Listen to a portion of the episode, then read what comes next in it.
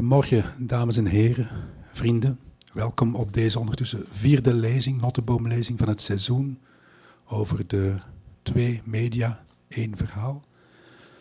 De aanleiding van de lezingen hebt u al van mij gehoord tijdens de inleiding. Het gaat over de tentoonstelling die hier deze zomer komt in de Notteboomzaal, Connect.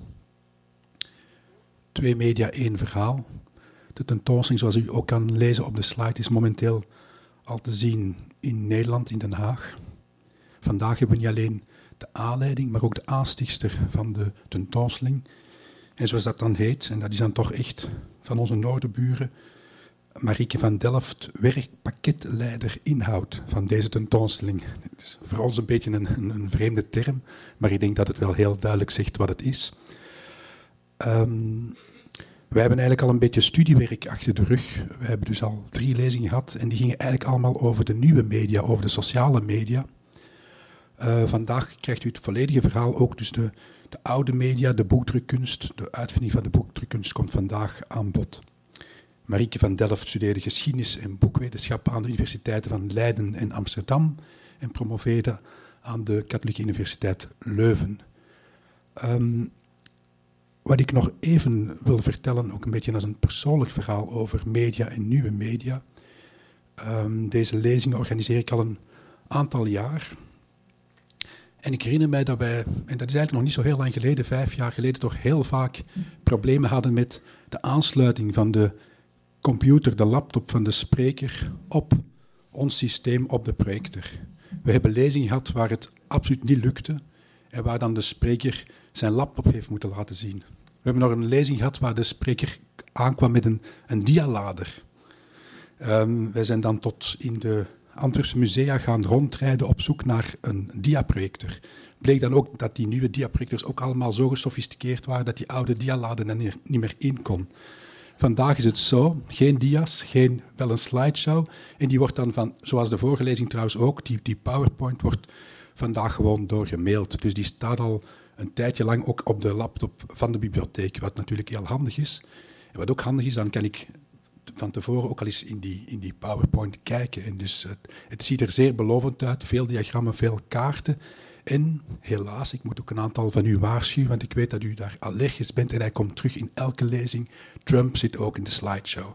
Maar misschien dat ik de spreekster kan vragen om even de hand op te steken als Trump eraan komt, dan kunnen die mensen even de ogen sluiten. Ik dank u voor uw aandacht en geef graag het woord aan Marieke van Delft.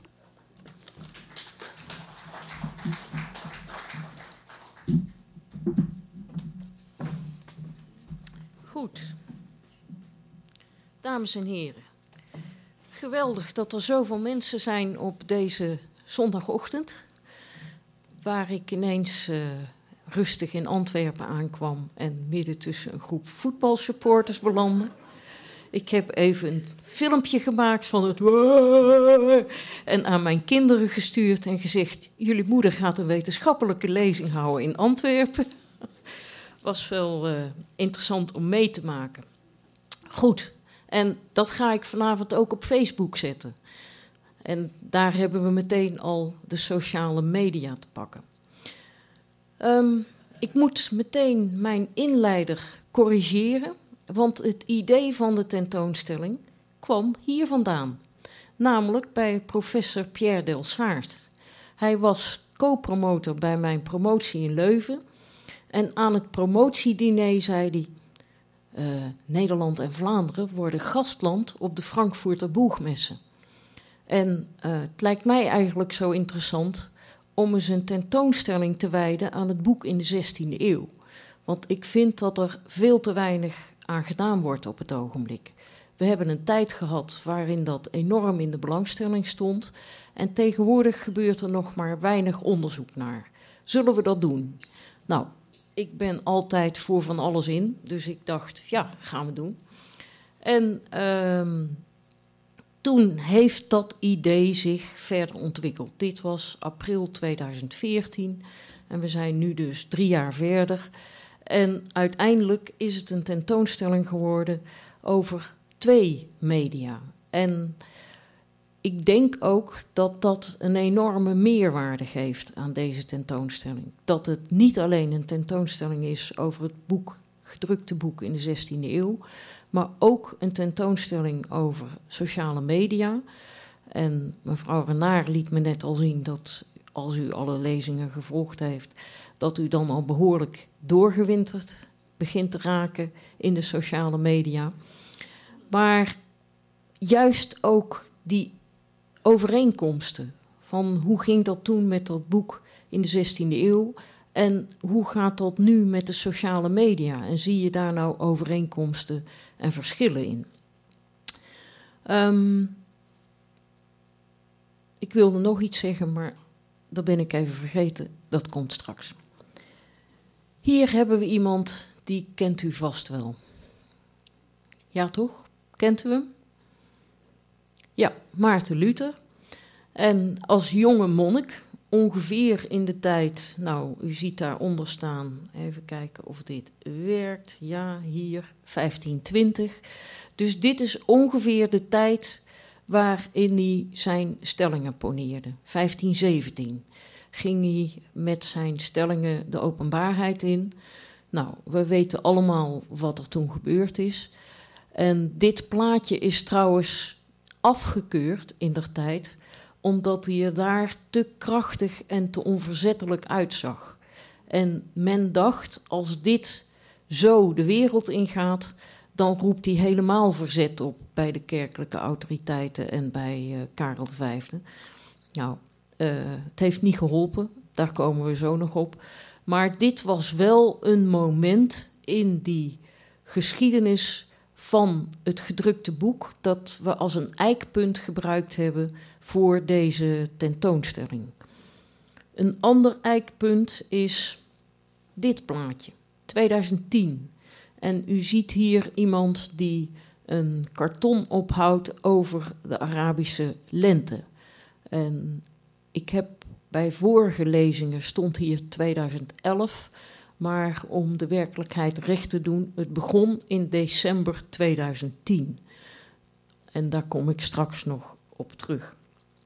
We gaan even weer naar Luther. Luther 1517, Wittenberg. Uh, heeft u ook allemaal geleerd dat Luther die stellingen zelf spijkerde op de kerkdeur? Ja, nou, ik moet u teleurstellen. Hij heeft het niet gedaan, zeggen ze nu. Kijk, we hadden toen nog geen smartphones waarmee we even gauw een foto konden maken om het wel al dan niet te bewijzen. Er wordt nu gezegd dat de pedel van de universiteit uh, aangeslagen heeft. Maar wat Luther ook gedaan heeft, is uh, meteen verspreiden. Hij heeft ze gestuurd naar Albrecht van Brandenburg. Dus ze gingen meteen de openbaarheid in. En ze zijn ook vrij snel gedrukt. Ik was afgelopen maandag in Berlijn. En daar heb je een schitterend uh, Nationaal Historisch Museum. Als je dat ziet, dan denk je: waarom is dat in Nederland niet gelukt om gewoon zo'n mooi historisch museum op te richten. Ik weet niet, is er een in België? Museum voor de geschiedenis van België? Nou, als u ooit in Berlijn bent, ga vooral naar dit historisch museum, want het is fantastisch. En wat me daar ook heel erg in aansprak, is dat het boek daar zo als onderdeel van de geschiedenis uh, getoond wordt.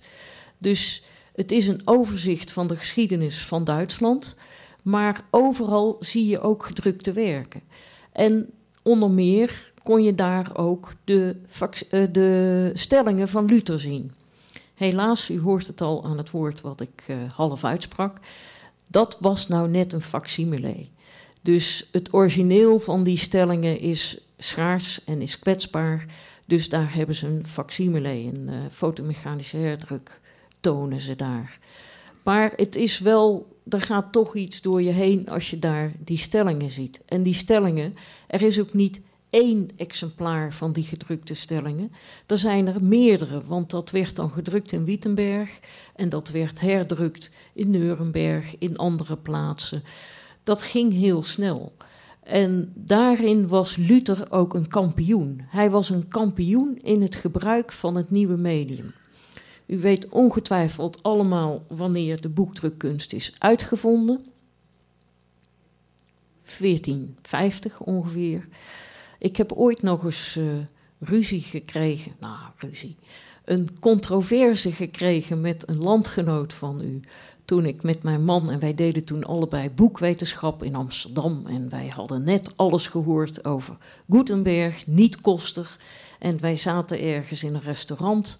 En daar zat een, uh, nou, een landgenoot van u een tafeltje naast ons. En ik weet niet meer hoe we in gesprek raakten, maar we raakten in gesprek en wij vertelden trots onze nieuw geleerde kennis, want op de basisschool had ik gewoon nog Koster geleerd, dat het dus niet Koster was, maar Gutenberg. En hij was hevig verontwaardigd dat, ja, Koster had dat toch uitgevonden. Nou, nee dus, Gutenberg in Duitsland en dat ging razendsnel. In feite kun je dat ook vergelijken met de internet en de sociale mediatechniek van nu. Dat verspreidde zich enorm snel. Rond 1450 Duitsland, Gutenberg, maar in 1473 werd al het eerste gedrukte boek gedrukt in zowel Noord- als Zuid-Nederland. Dat heb ik altijd heel mooi gevonden. In de lage landen, in Utrecht, werd in 1473 een boek gedrukt met een datum erin. En in Aalst. Dus daarin liepen die twee landen synchroon.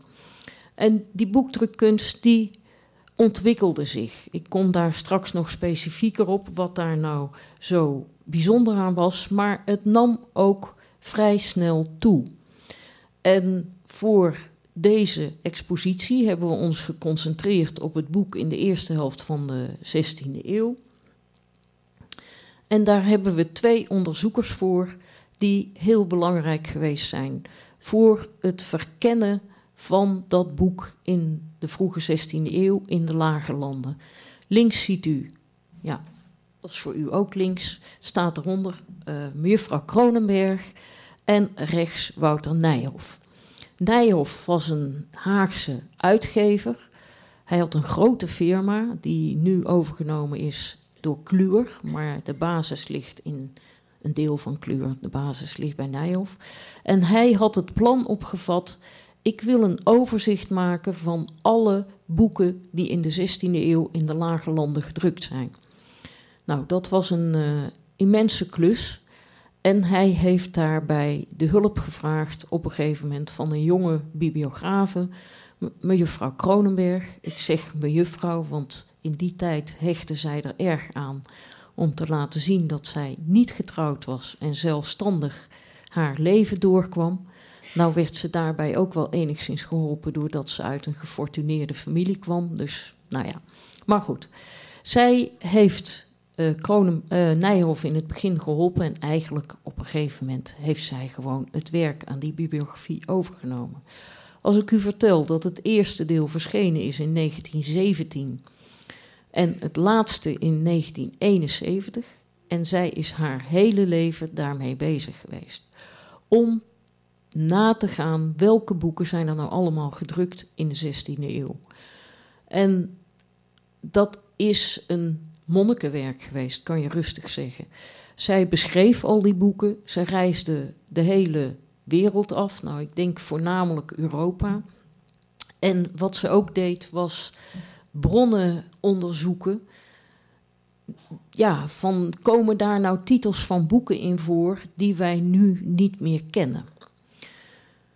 Um, dat, en daar zijn er behoorlijk veel van. Zij heeft op basis van verslagen van de Inquisitie, daar worden natuurlijk vaak boektitels genoemd. Dat is trouwens ook bijzonder boeiend als je leest hoe vaak het boek daar toch als factor geciteerd wordt. Dus verslagen van de acquisitie, een bibliotheek die opgebouwd was uit verboden boeken. En een uh, winkeladministratie van een Leidse drukker, Jan Severs, in het begin van de 16e eeuw. Heeft zij allerlei titels ook ontdekt, ja, waar geen editie meer van gevonden is. Haar werk heeft als basis gediend voor um, de Short Title Catalog Netherlands, die kent u misschien niet, maar in de short title catalog Flanders, Vlaanderen, die kent u hopelijk wel. Dat is een beschrijving, zijn allebei beschrijvingen van boeken gedrukt voor 1800 in respectievelijk Nederland en Vlaanderen. En dat allemaal is samengekomen. Ja, ik ga u even met wat uh, namen vermoeien. Maar de USTC, de Universal Short Title Catalog van boeken van de 16e eeuw. Nou, die Universal Short Title Catalog is een online systeem en daar, op basis daarvan heb ik, deze kom ik zo op, een overzicht gemaakt van boeken gedrukt in de lage landen in de eerste helft van de 16e eeuw. Ik denk niet dat u alles kunt lezen, maar wat belangrijk is om te zien, is dat die lijn waar dat pijltje naartoe gaat, is het aantal boeken gedrukt in Antwerpen. En wat u hier ziet is een overzicht van steden waarin meer dan 100 boeken gedrukt zijn in het begin van de 16e eeuw. En daarvan zijn er drie uit de zuidelijke Nederlanden, Leuven, Gent en Antwerpen. En vijf uit het noorden, Deventer, Zwolle, Den Bosch, Amsterdam en Leiden. Nou, u ziet hier hoe dominant Antwerpen is. En daarvoor heb ik die andere dia nodig. Ga ik even terug. Hier ziet u de handelsroutes in de lage landen. Oh, dit komt uit een andere presentatie en ik ben vergeten het Engels in Nederlands te vertalen. Maar goed, u herkent het vast wel. En dat was de factor waardoor Antwerpen uh, zo belangrijk werd. Want wat gebeurde er toen die boekdrukkunst uitgevonden werd? Op dat moment konden boeken in oplagen verschijnen. Dus je maakte niet meer één boek van een editie, maar je maakte er meteen 100, 300, 500, in sommige gevallen zelfs 1000. En die drukkers, ja, die moesten natuurlijk die boeken wel verkopen. Want als je een handschrift maakt, dan heb je vaak een opdrachtgever en die zegt: Nou, ik wil de tekst van dat handschrift hebben.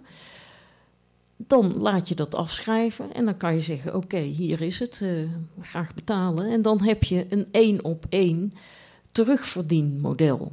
Maar bij zo'n gedrukt boek, als je er 500 maakt, ja, je moet van tevoren investeren algemeen in letters en in de pers, in uh, drukkersknechten, maar ook in het papier. En papier was in de vroegmoderne tijd de grootste factor bij een gedrukt, een kostenfactor bij een gedrukt boek. Dus op het moment dat een drukker besloot: ik ga die tekst drukken, dan moest hij een heleboel geld uitgeven voor hij zijn eerste exemplaar kon verkopen. En dan moest hij maar zorgen dat hij ze alle 500 verkocht. Nou, daarom zijn onder meer die handelsroutes zo van belang. En dit plaatje vind ik zelf heel illustratief, omdat je ziet dat alles eigenlijk in Antwerpen samenkomt. En als we dan nog even teruggaan. Hier ziet u dat meer dan de helft, het is zelfs 60% van alle boeken die in de eerste helft van de 16e eeuw gedrukt zijn, die zijn in Antwerpen gedrukt. Als u straks, straks niet, uh, van de zomer, die tentoonstelling Connect ziet en u loopt hier rond in deze zaal, denkt u daar dan nog maar eens aan terug. Want dan zult u ook zien, als u kijkt naar de beschrijvingen van de boeken, dat echt de helft in Antwerpen gedrukt is. Je komt steeds Antwerpen tegen als drukkersplaats. En wat dan ook nog interessant is, die bovenste lijn zijn het totale aantal boeken dat gedrukt is. De lijn daaronder is het aandeel uh, religieuze boeken. Daar zie je ook dat religie was een enorme factor in die periode. Nu ga ik even een slokje drinken, want dat. En dat komt natuurlijk omdat religie zo dominant was in de samenleving, maar ook door Luther. Door zijn optreden ontstond er een enorme discussie. U weet dat vast wel, 1517 die stellingen, 1520 al de eerste uh, bul tegen Luther, de Rijksdag van Worms. Er kwam de Inquisitie, Karel V we, uh, vaardigde wetten uit, de paus vaardigde wetten uit.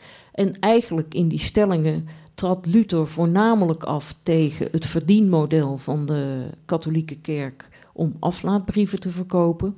Maar tussen de regels door uitte hij ook kritiek op de kerk. En dat bleek dus een enorm issue te zijn dat heel veel mensen aantrok. En ook in de lage landen. Het opvallende is dat in Duitsland zijn ook heel veel boeken van hem gedrukt. Ik heb laatst een onderzoek gedaan naar het aantal uh, drukken van Luther in de lage landen. In totaal zijn er tijdens zijn leven, dus tussen 1517 en 1546, zijn er 3700 edities verschenen van zijn werken. Dat is enorm veel, meer dan 200 per jaar. In de lage landen zijn er ruim 100 gedrukt. En ten opzichte van die 3700 lijkt het niet veel, maar dat was wel het vierde land waar Luthers uh, publicaties populair waren. Dus hier viel het echt in vruchtbare bodem.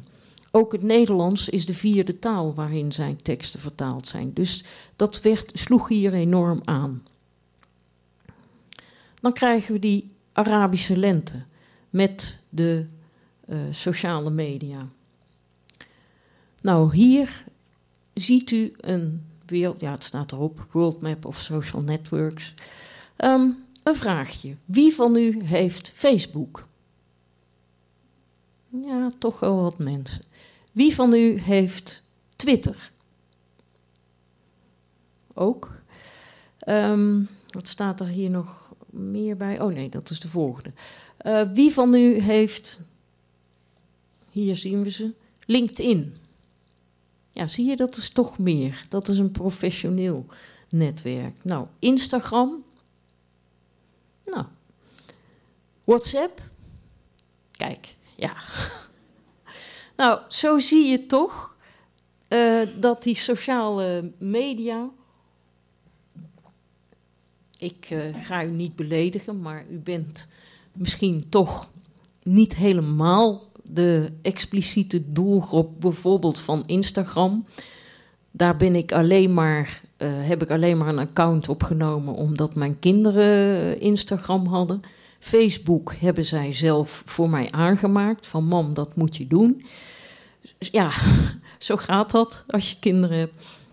Maar de geschiedenis van die sociale media, daar zie je in zekere zin eenzelfde ontwikkeling als met dat gedrukte boek. We hebben ook expres momenten gekozen in de ontwikkeling van die beide media. Niet de beginfase, dus we hebben niet de incunabele en het vroege internet centraal gesteld. Maar we hebben de media, zoals wij het genoemd hebben, in hun adolescentiefase genomen. En als je dan kijkt naar die geschiedenis van de sociale media, ik ga u nog even iets zien, laten zien. Dit is een tijdschrift dat verschenen is bij de tentoonstelling. En daarin staat een stuk van uh, een Vlaming, Andy de Meulenaren, of Andy, ik weet niet hoe ik het uitspreek. En dat gaat over die geschiedenis van de sociale media. En dat is fascinerend als je dat leest. Kijk, ik zit natuurlijk, ik ben conservator bij de Koninklijke Bibliotheek, dus ik zit beter in het gedrukte boek dan in de sociale media. Maar als je die geschiedenis leest, dan zie je daar dezelfde ontwikkeling als bij het gedrukte boek. Dat het op een gegeven moment ook een tijd is van trial and error. Wat je bij vroege drukkers zag, heel veel mensen begonnen. Maar als ze dan met zo'n overschot aan zo'n oplage zaten, ja, dan gingen ze failliet. Nou, dat soort dingen zie je ook bij die sociale media gebeuren.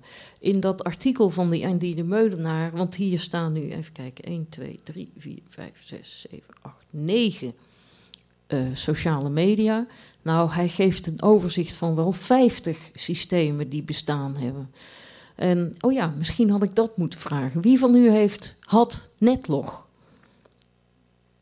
Ja, toch ook nog. Nou, in Nederland uh, hadden we Hives. Dat was ook zo'n hele vroege sociale media site. Oh, daar hebben de kinderen helemaal. Die hadden toen een Hives-site voor me aangemaakt. En die heette We Love Mom. En het grappige is, dat was uiteraard in de periode dat ze nog heel jong waren en alles met me wilden delen. Uh, nu zeggen ze bijvoorbeeld bij Snapchat, waar ze me ook toe verleid hebben: Mam, doe dat maar niet meer. Want daar komen dus de foto's waarvan ze liever niet willen dat ik ze zie. Maar Hives was een enorme ja, uh, hype in Nederland. Heel veel mensen zaten daarop en deelden dingen. Maar toen is het op een gegeven moment overgenomen door de Telegraaf. En Facebook kwam in op, opmars. Ja, en dat heeft in zekere zin alles opgeslokt. Nou ja, wat is er gebeurd? Dit hebben we natuurlijk allemaal meegemaakt. Die Arabische lente. En uh, dat begon in Tunesië. Een ja, uh, onrust vanwege werkeloosheid, uh, onderdrukking, armoede. Daar, bestond, daar ontstonden demonstraties. Mensen gingen dat twitteren, mensen gingen dat delen op Facebook. En binnen een jaar werden daar allerlei regimes onder druk gezet. En u ziet hier um, wat er gebeurd is. Nou, in deze landen is de regering afgezet, in die donkerblauwe. Uh, gewapende opstanden, grote protesten. Nou, er is enorm veel onrust ontstaan. En ik weet niet of u hetzelfde gevoel had als ik, maar toen net die Arabische lente begon, was ik ontzettend uh, blij. En dacht ik, nou, nu gaat het ten goede keren. In feite hetzelfde gevoel wat ik had bij de val van de Berlijnse muur. Dat je ook die avond zaten we naar de televisie te kijken en dat je die mensen over die muur zag komen. En dacht van, nou, nu is er eindelijk weer vrijheid. Dat gevoel had ik hier ook. Nou, we weten allemaal hoe het afgelopen is. Die Berlijnse muur, Duitsland is weer één. Ik was dus afgelopen week in Berlijn en ja, daar gaat het prima. Hoewel daar in het begin natuurlijk ook wel wat uh, problemen geweest zijn. Maar hier is een instabiliteit ontstaan die we in feite niet hebben kunnen overzien. En dat is ook een vergelijk met die twee media. Door Luther is ook de westerse wereld een tijd heel instabiel geweest. We hebben toen de Boerenoorlog gehad in Duitsland. We hebben de Dertigjarige Oorlog gehad. En hier weten we ook nog niet hoe het afloopt. En wat misschien ook wel goed is om toch hier ook te zeggen. Die sociale media en dat gedrukte boek, die veroorzaken die dingen natuurlijk niet. Want het is niet zo dat die Arabische lente ontstaan zou zijn. Uh, ja, ik word nu even afgeleid door buiten.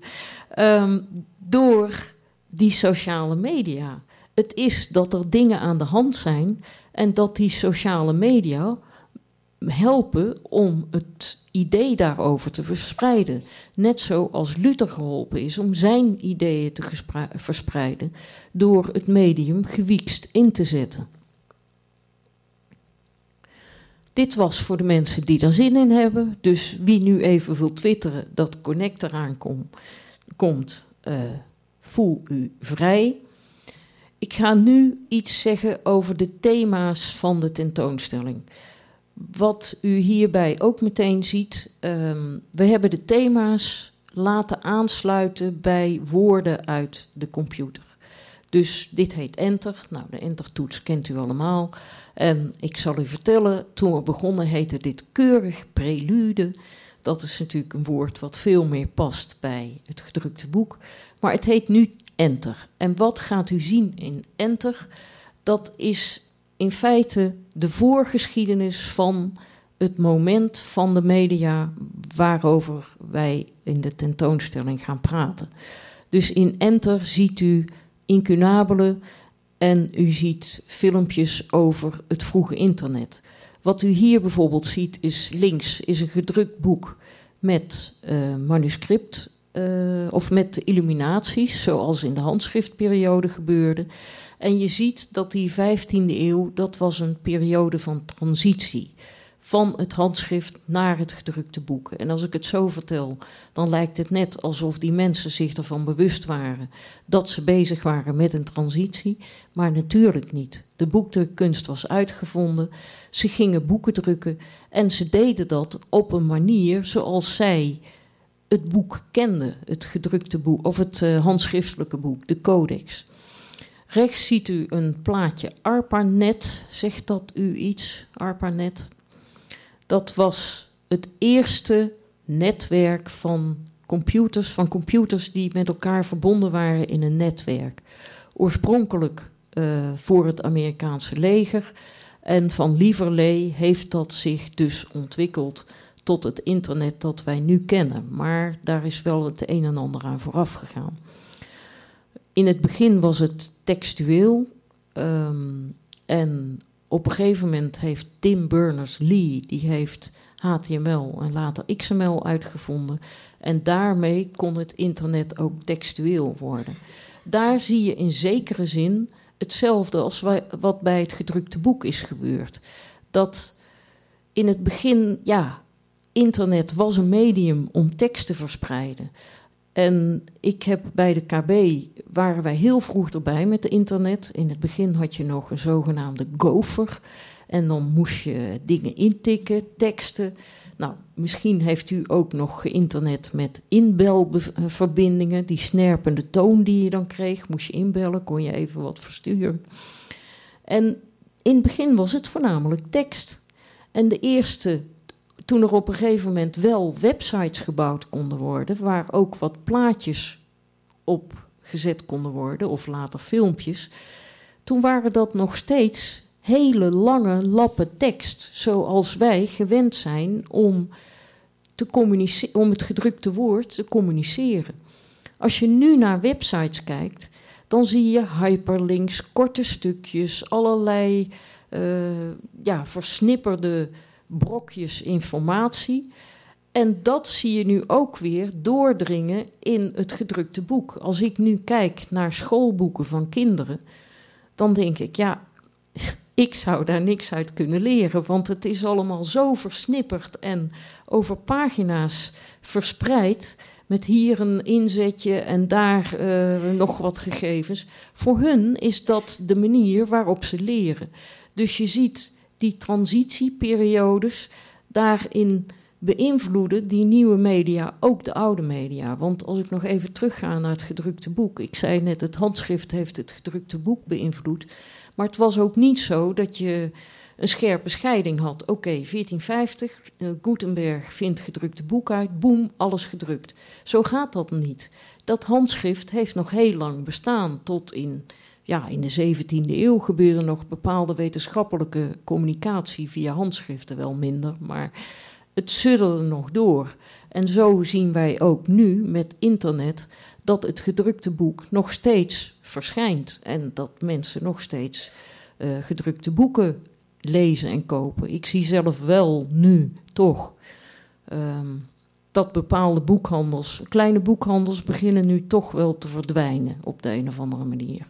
En wat je nu in een antiquariaat kan kopen. Mijn man kwam laatst thuis en die zei: Moet je nou horen? Je, je hebt, ik weet niet of je dat ook hier hebt, van die little libraries of mini-libraries, waar mensen hun boekenoverschot neerzetten of boeken die ze kwijt willen.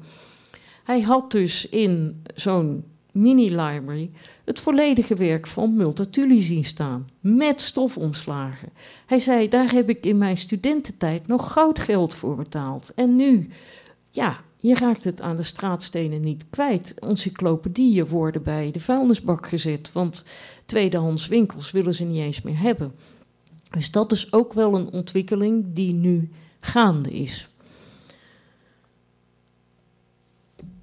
volgende thema, dan gaat, dat heb ik al een beetje verteld bij mijn vorige dingen, is change. En dat gaat erover dat uh, de media de karakteristieke elementen ontwikkelen. Nou, waar moet je dan aan denken bij het gedrukte boek? Bijvoorbeeld, u ziet hem hier links, een titelpagina. Een handschrift had geen titelpagina, want een klant die wist best wel welk handschrift hij kocht, want dat had hij zelf besteld. Maar een gedrukt boek, daar waren er veel meer van. En die moesten ook vermarkt worden. Zo'n drukker wilde ze kwijt. Dus wat ging hij doen? Een goede titel erop, een auteur erop, vaak met nog wat aanbevelingen, ook van dit is een kostelijk of profietelijk of weet ik wat voor boek, om meteen dat boek aan te prijzen. Wat u hier ook ziet is een drukkersmerk, dus een soort brand van een drukker. Kijk, dit boek heb ik gemaakt en dat was vaak ook een soort kwaliteitsgarantie. En onderaan zag je dan ook de plaats en de, plaats van uitgave, de uitgever of drukker was toen nog geen onderscheid tussen en het jaartal. Dat is één element dat zich ontwikkelde. Het boek werd ook heel erg gestructureerd, zodat je goed kon zien: dit zijn hoofdstukken, dit zijn paragrafen. Je kreeg errata-villetjes, want dat had je natuurlijk ook bij een handschrift. Als je een fout maakt, kan je doorschrepen of wegkrabben en opnieuw schrijven. Ja, als je 500 boeken gedrukt hebt met een fout, wat moet je dan? Nou, dan stop je een errata-velletje erachterin. Of een index, een register. En wat ook ontstond door dat boek was uh, gestructureerdere wetenschappelijke communicatie. Want je had dus een titelpagina, je kon naar een specifieke editie verwijzen en je kon ook naar een bepaalde pagina verwijzen. Dus als hier uh, Erasmus in Basel correspondeerde met Thomas More in Engeland, dan kon je zeggen: Ik heb deze editie en op die pagina staat dat. Dus je kreeg een standaardisatie. Nou, bij internet, dat noemde ik net al, dat je daar dus die ontwikkeling ziet van bepaalde websites. Dat in plaats van die enorme lappen tekst, kreeg je dat, krijg je nu dat die websites anders gestructureerd zijn. Ehm, dat kun je ook zien. Ik weet niet of u het zich herinnert, maar je ziet nu wel als je een website oproept, die zien er tegenwoordig heel anders uit dan de websites van vroeger. Op de KB in Den Haag, waar ik werk, daar hebben, houden we nu een internetarchief bij. En daar worden dus websites opgeslagen.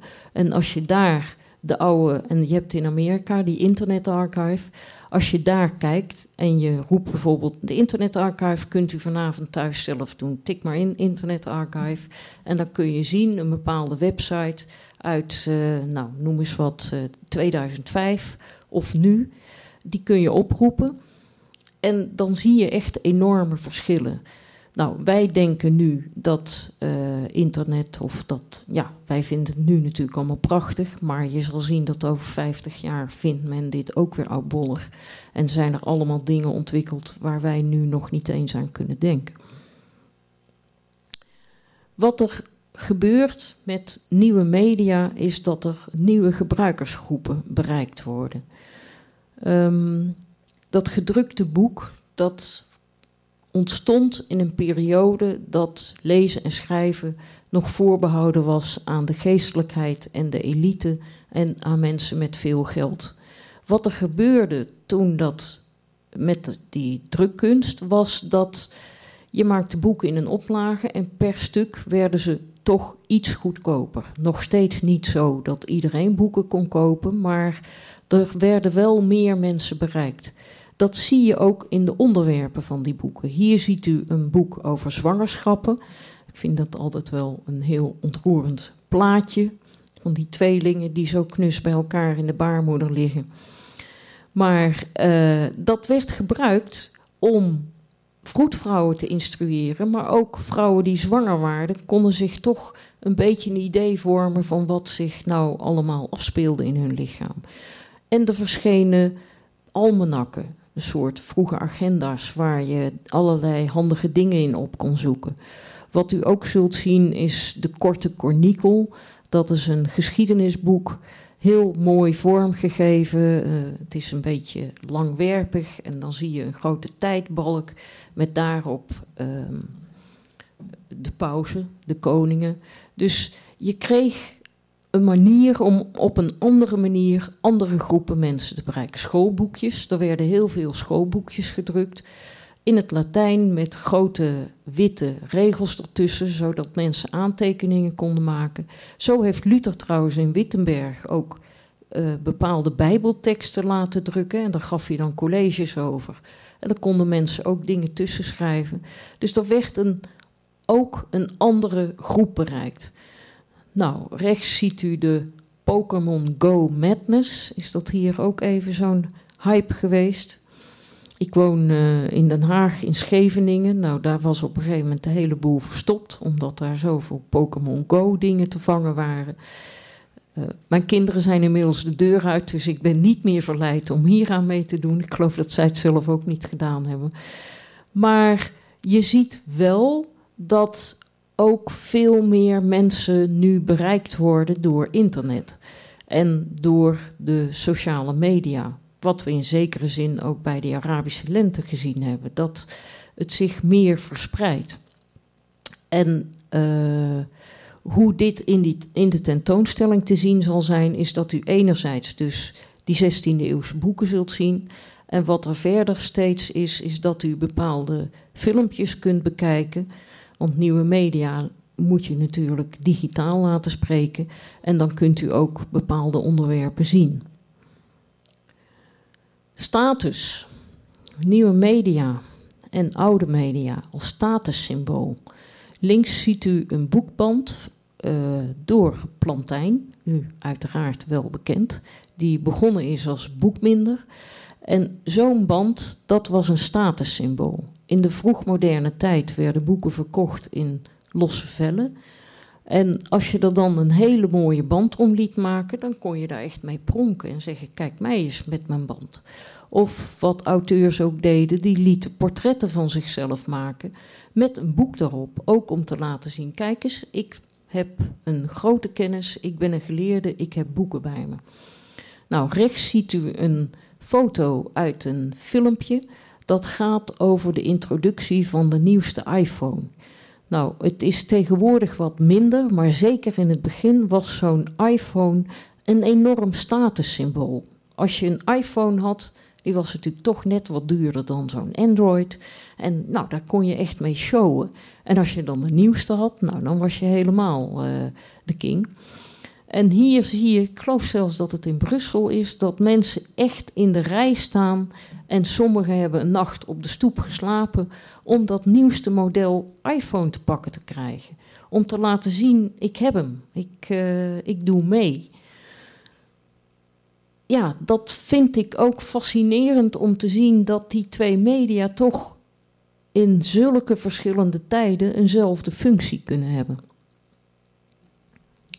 Nou, hier hebben we het in het begin al een beetje over gehad. Start-up, nieuw kapitaal. Ik heb u al verteld dat voor de gedrukte boeken een enorm uh, kapitaal uh, nodig was. Nou, weet ik niet 100% zeker of dit lukt. Gaat dit lukken? Nee. Beetje. Nee. Uh, daar komen we straks nog op. Deze Hendrik Eckert van Homberg was een drukker die uit Duitsland kwam, Homberg. Daarna heeft hij in Delft gewerkt en vervolgens is hij uiteraard naar Antwerpen gegaan om echt geld te maken. Ik laat u straks nog een filmpje erover zien. Nou, de rechter meneer, die kent u natuurlijk ook. Die heeft het heel goed gedaan, Zuckerberg. Hij heeft dat netwerk opgericht en hij heeft op de een of andere manier een investeringsmodel gevonden waarmee hij er ook voldoende geld mee maakt om het te kunnen onderhouden en steeds verder ontwikkelen, te ontwikkelen. U heeft al gezien, Hives is gesneuveld, maar hij gaat steeds door. Um, oh ja, ik moest mijn hand opsteken. Allemaal wegkijken. ja, het spijt me. Uh, hier gaat het over follow. En wat we bij follow laten zien is hoe nieuwe media ingezet worden om de wereld te veranderen. Links ziet u een boek van Erasmus, dat hij geschreven heeft voor Karel V, waarin hij zijn ideeën over een vorst, hoe een goed vorst moet regeren, uiteenzet. En dit boek heeft in zijn tijd, en ook nog later wel, veel aftrek gevonden. Niet alleen bij echte vorsten, maar ook bij leiders. Hoe moet ik me opstellen? Wat moet ik doen? Nou, rechts ik moet u bekennen, ik had er maar zelf ook liever niet in gehad. Want u heeft misschien al gehoord dat deze Duits, uh, tentoonstelling eerst in Duitsland heeft gestaan. En in Göttingen, ter gelegenheid van dat gastlandschap van Vlaanderen en Nederland. En toen hadden we natuurlijk nog Obama. En ik heb nog gepleit bij mijn collega's: jongens, laten we nou Obama houden. Maar ja, nee, het is natuurlijk wel waar Trump is nu de president en Trump is ook wel een voorbeeld van iemand die die sociale media, met name Twitter, op een enorme manier inzet.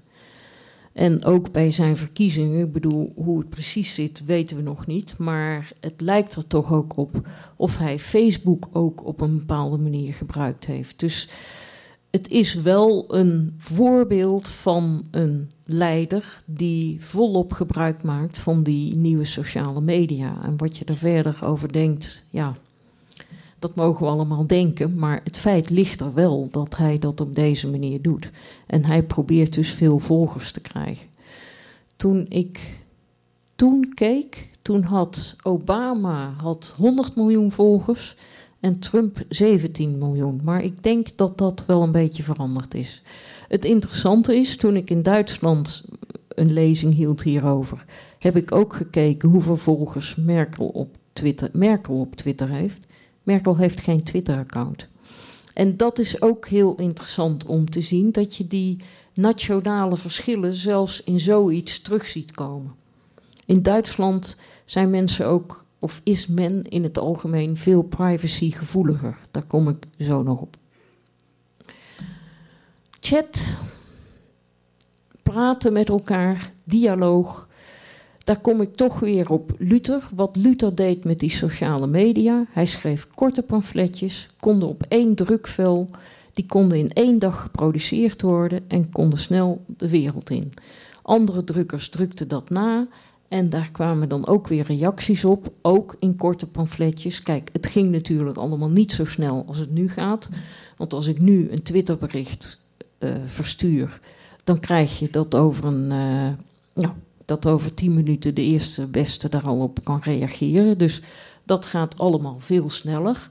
Dat hebben we ook gezien bij die Arabische lente. Maar feit is wel dat het ja, dialoog bevordert. En ja, in die zin misschien, nou zeker, ook af en toe ongenuanceerdheid. Ik weet niet of u gevolgd heeft wat er vorige week in Nederland gebeurd is: dat twee homo's die hand in hand liepen in elkaar geslagen zijn.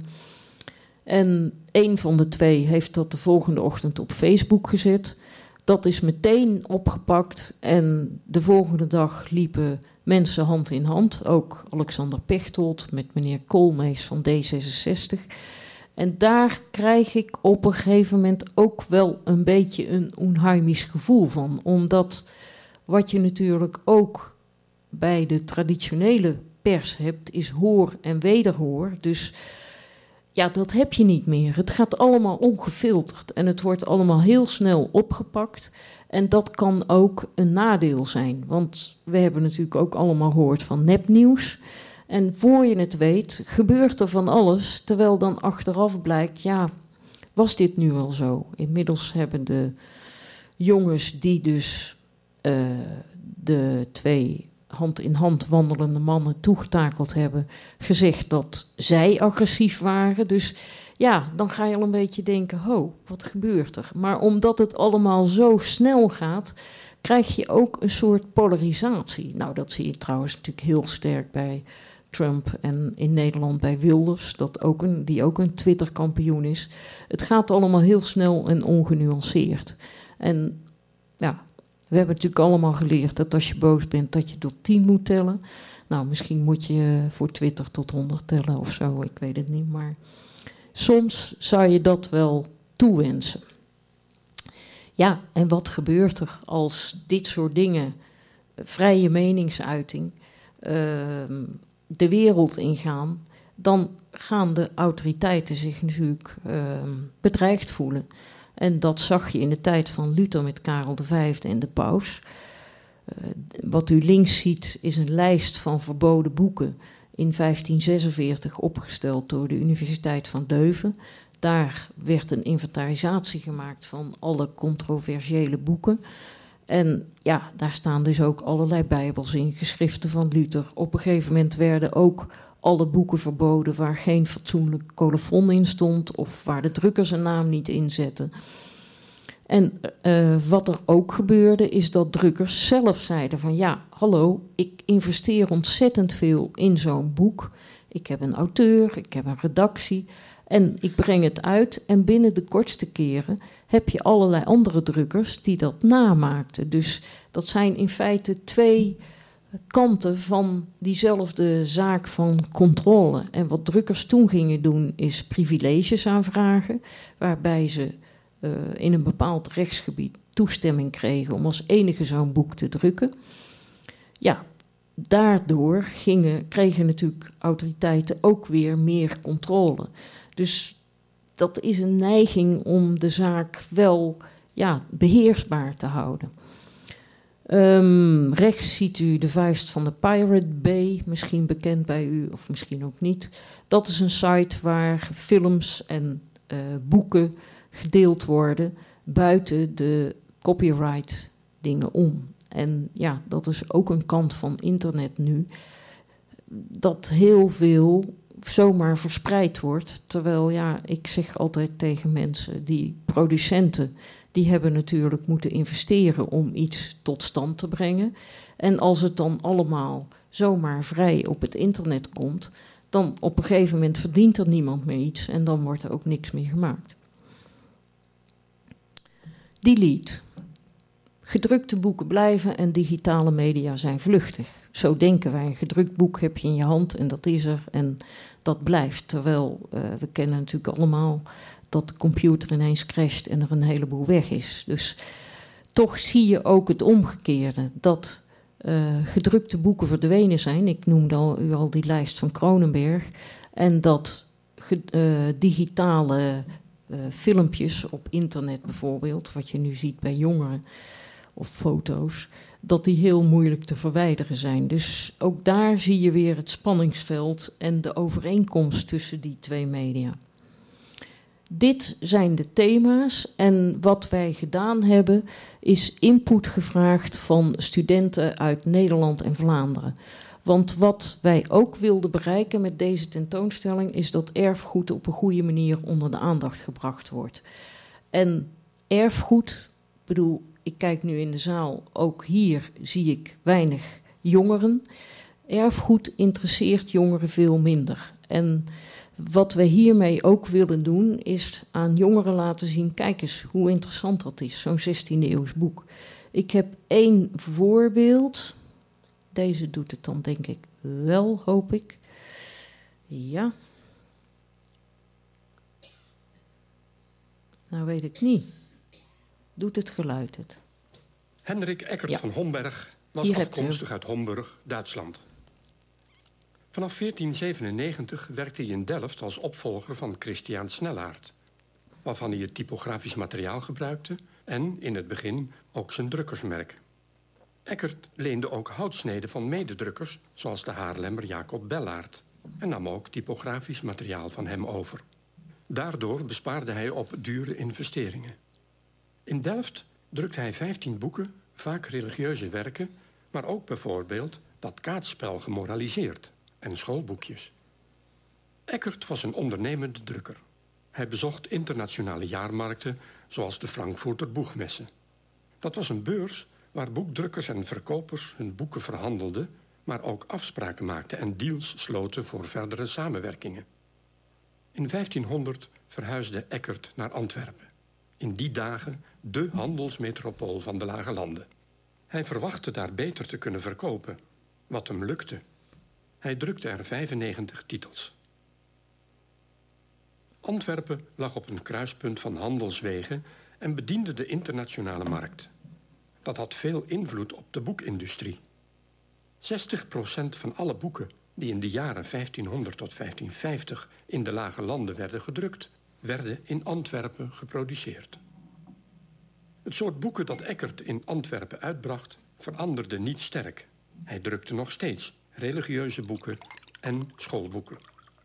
Ondertussen had hij ook een boekwinkel in Leuven, waar hij bijvoorbeeld boeken verkocht die hij in Parijs had laten drukken.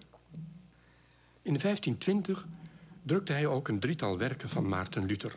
Die boeken waren erg populair. Eckert was een ondernemend drukker die allerlei activiteiten ontplooide om zoveel mogelijk geld te verdienen. Zijn laatste gedateerde boek is van 27 april 1521. De datum van zijn overlijden is onbekend.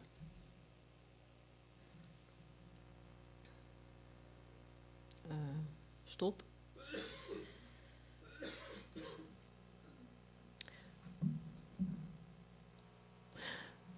Wat, wat, we gedaan hebben is aan die studenten vragen: we willen jullie leeftijdgenoten binnen. Hoe halen we die binnen? Nou, als u, eh, dit gaan we hier ook laten zien. De studenten zeiden: laat uh, die tentoonstelling op sociale media aanwezig zijn. Maak filmpjes. Uh, maak een Facebookpagina.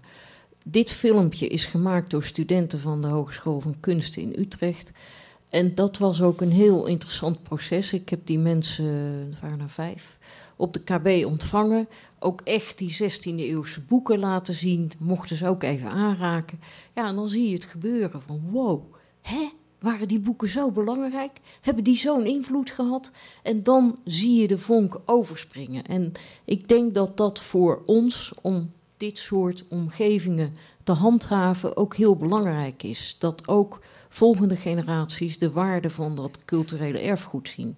En zij hebben toen op basis daarvan dat filmpje gemaakt. En ook in de boekenwereld ziet u een interview met die studenten, waarin ze ook vertellen hoe hun dat geïnspireerd heeft. Nou, als Connect hier is, dan kunt u beneden uh, een kaartje kopen of hoe u dan ook hier komt. En dan krijgt u een kaart om mee in te loggen. Dat inloggen dat kan door echt een naam te geven of door een bijnaam en uw e-mailadres, maar dat hoeft allemaal niet. U kunt ook anoniem, dan houdt u die kaart voor een bepaalde reader en dan kunt u de interactiviteit in. Alles wat u doet op de tentoonstelling komt terecht op de zogenaamde social wall. En bij de opening in Den Haag hadden we een internetdeskundige, Danny Makic. En die was helemaal enthousiast dat we dit gemaakt hadden, omdat je hiermee zichtbaar maakt wat je eigenlijk niet ziet als je bezig bent met internet. Als je aan twitteren bent, of als je aan het facebooken bent, of Instagram of whatever.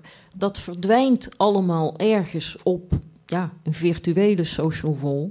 Maar hier wordt dus zichtbaar wat je doet. Nou, u ziet hier ook, er is hier een meneer, gewoon die zijn naam heeft gegeven. Maar hier is iemand die anoniem ingelogd heeft. Dat kan dus allebei.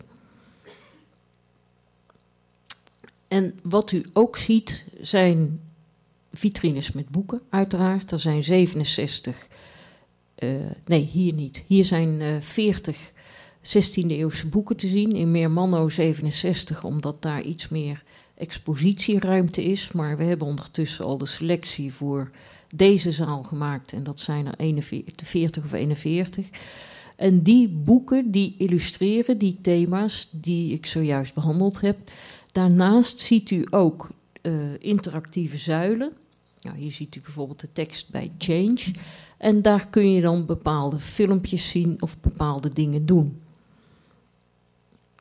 Bijvoorbeeld, je kan mensen volgen. Hier kunt u Trump gaan volgen. Vroeger, voorheen, kon je er Obama gaan volgen. Maar hier ziet u Enzo Knol. Nou, Enzo Knol is een vlogger in Nederland die zijn hele leven op YouTube zet. Ik, mij inspireert het niet, maar er zijn stoute jongeren die dat fantastisch vinden. Of Jamie Oliver of De Paus. En dit werkt op een manier van Tinder, uh, die afspraken-app voor jongeren. Dan krijg je foto's van uh, mooie jongens of mooie meisjes. En dan kan je zeggen, die wel, die niet, die wel, die niet. Op een gegeven moment hou je er één over die erg bij je past. En daar kun je dan een afspraakje mee maken. Nou, hier kun je op dezelfde manier kiezen wie je gaat volgen. Helaas hebben wij geen afspraakjesmogelijkheid, maar we krijgen zo wel een overzicht wie waar het populairst is. En er zijn ook allerlei statements die u kunt bevestigen of uh, afwijzen. Bijvoorbeeld deze is Zuckerberg van Facebook of Karel V. Een bekend persoon moet een positief rolmodel zijn. Nou, dan kan je zeggen, daar ben ik het mee eens of daar ben ik het niet mee eens. En andere stellingen zijn: uh, ik wil al mijn sporen uit kunnen wissen. Of ik laat graag zien wat ik gelezen heb. Nou, al deze stellingen, daar kunnen we op een gegeven moment ook een soort anoniem, uiteraard, onderzoek van maken. Van ja, hoe, hoe liggen nou die, uh, mogelijk, of die, die opinies in Den Haag, in Antwerpen, in Guttingen? Nou, in Guttingen was onder meer de vraag welk sociaal medium is het populairst. Ja, dat is natuurlijk niet zo verrassend dat WhatsApp uh, heel populair is. Ik gaf laatst een lezing en toen zeiden mensen: waarom staat Wikipedia bij de sociale media? Heeft u daar een idee over? Kunt u dat begrijpen? Dat Wikipedia hier als sociaal medium gezien wordt? Nou, ik zal het uitleggen. Wikipedia is natuurlijk een encyclopedie die door mensen, voor mensen gemaakt wordt. En als u, iedereen kan meedoen, ook u. Als u kennis heeft over een speciaal onderwerp, kunt u daarop publiceren. Maar wat je zal merken is, je schrijft een stuk of je verandert een stuk. En als dat een beetje controversieel is, of niet eens als het controversieel is, maar dan krijg je al snel contact met andere Wikipedianen die zeggen van ja, maar je schrijft daar dat Koster de boekdrukkunst heeft uitgevonden. Maar dat klopt toch helemaal niet meer. En er is ook een onderzoek gedaan dat fouten op Wikipedia vrij snel gecorrigeerd worden door andere Wikipedianen. Er is ook een groep mensen die redigeert. Nou, dus daarom staat dat ertussen. Nou, uh, dan Facebook, dat viel mij op dat dat eigenlijk nog minder populair is dan YouTube. Nou, dit zei ik u al, daar liggen ook 67 boeken uit. Ja, dat zijn er dus in Antwerpen minder, maar toch een heleboel boeken uit de 16e eeuw. Ik vertelde vanmorgen al aan een paar mensen die hier vroeg waren. Ik had aangeboden aan de bibliofielen, de Nederlandse bibliofielen, om een lezing te geven over Connect of rondleiding. En toevallig kreeg ik gisteravond een mailtje. We hebben besloten daar niet op in te gaan, want het is niet bibliofiel. denk ik, uh, dat komt dan doordat Erasmus een smartphone in zijn hand heeft, maar op het uh, beeld van de tentoonstelling. Maar ja, het is natuurlijk heel erg bibliofiel. Want mensen die geen zin hebben in die sociale media, die kunnen gewoon een hele interessante tentoonstelling over de 16e eeuw zien. Het wordt pas interessant als je die overeenkomsten mee laat wegen en dat soort verschillen gaat zien. Of dan raak je ook geïnspireerd en ga je nadenken over de sociale media van nu. Maar die boeken, die zijn er en die zijn prachtig. Nou, dan hebben we nog een videozuil waarop u allerlei filmpjes kunt zien, zowel over de moderne sociale media als over uh, die filmpjes die de studenten van Utrecht gemaakt hebben. Dit is er bijvoorbeeld één over Luther. Ja, en aan het eind kan je dus beslissen wat laat je hier achter? Deel ik mijn mening met iedereen? Kunnen mijn gegevens helemaal gebruikt worden?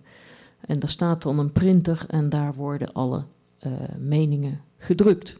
En daarmee maken we ook nog even een kunstwerk. En er is een website. Als u nu geïnspireerd geraakt bent door mijn verhaal en u denkt: ik wil alvast van tevoren een beetje kijken wat ik nou kan verwachten, kunt u op deze website ook al het een en ander vinden. U vindt daar de 16e eeuwse boeken en ook de filmpjes van de uh, sociale media. En wat u hier ziet is dat die website opgebouwd is als een soort webwinkel.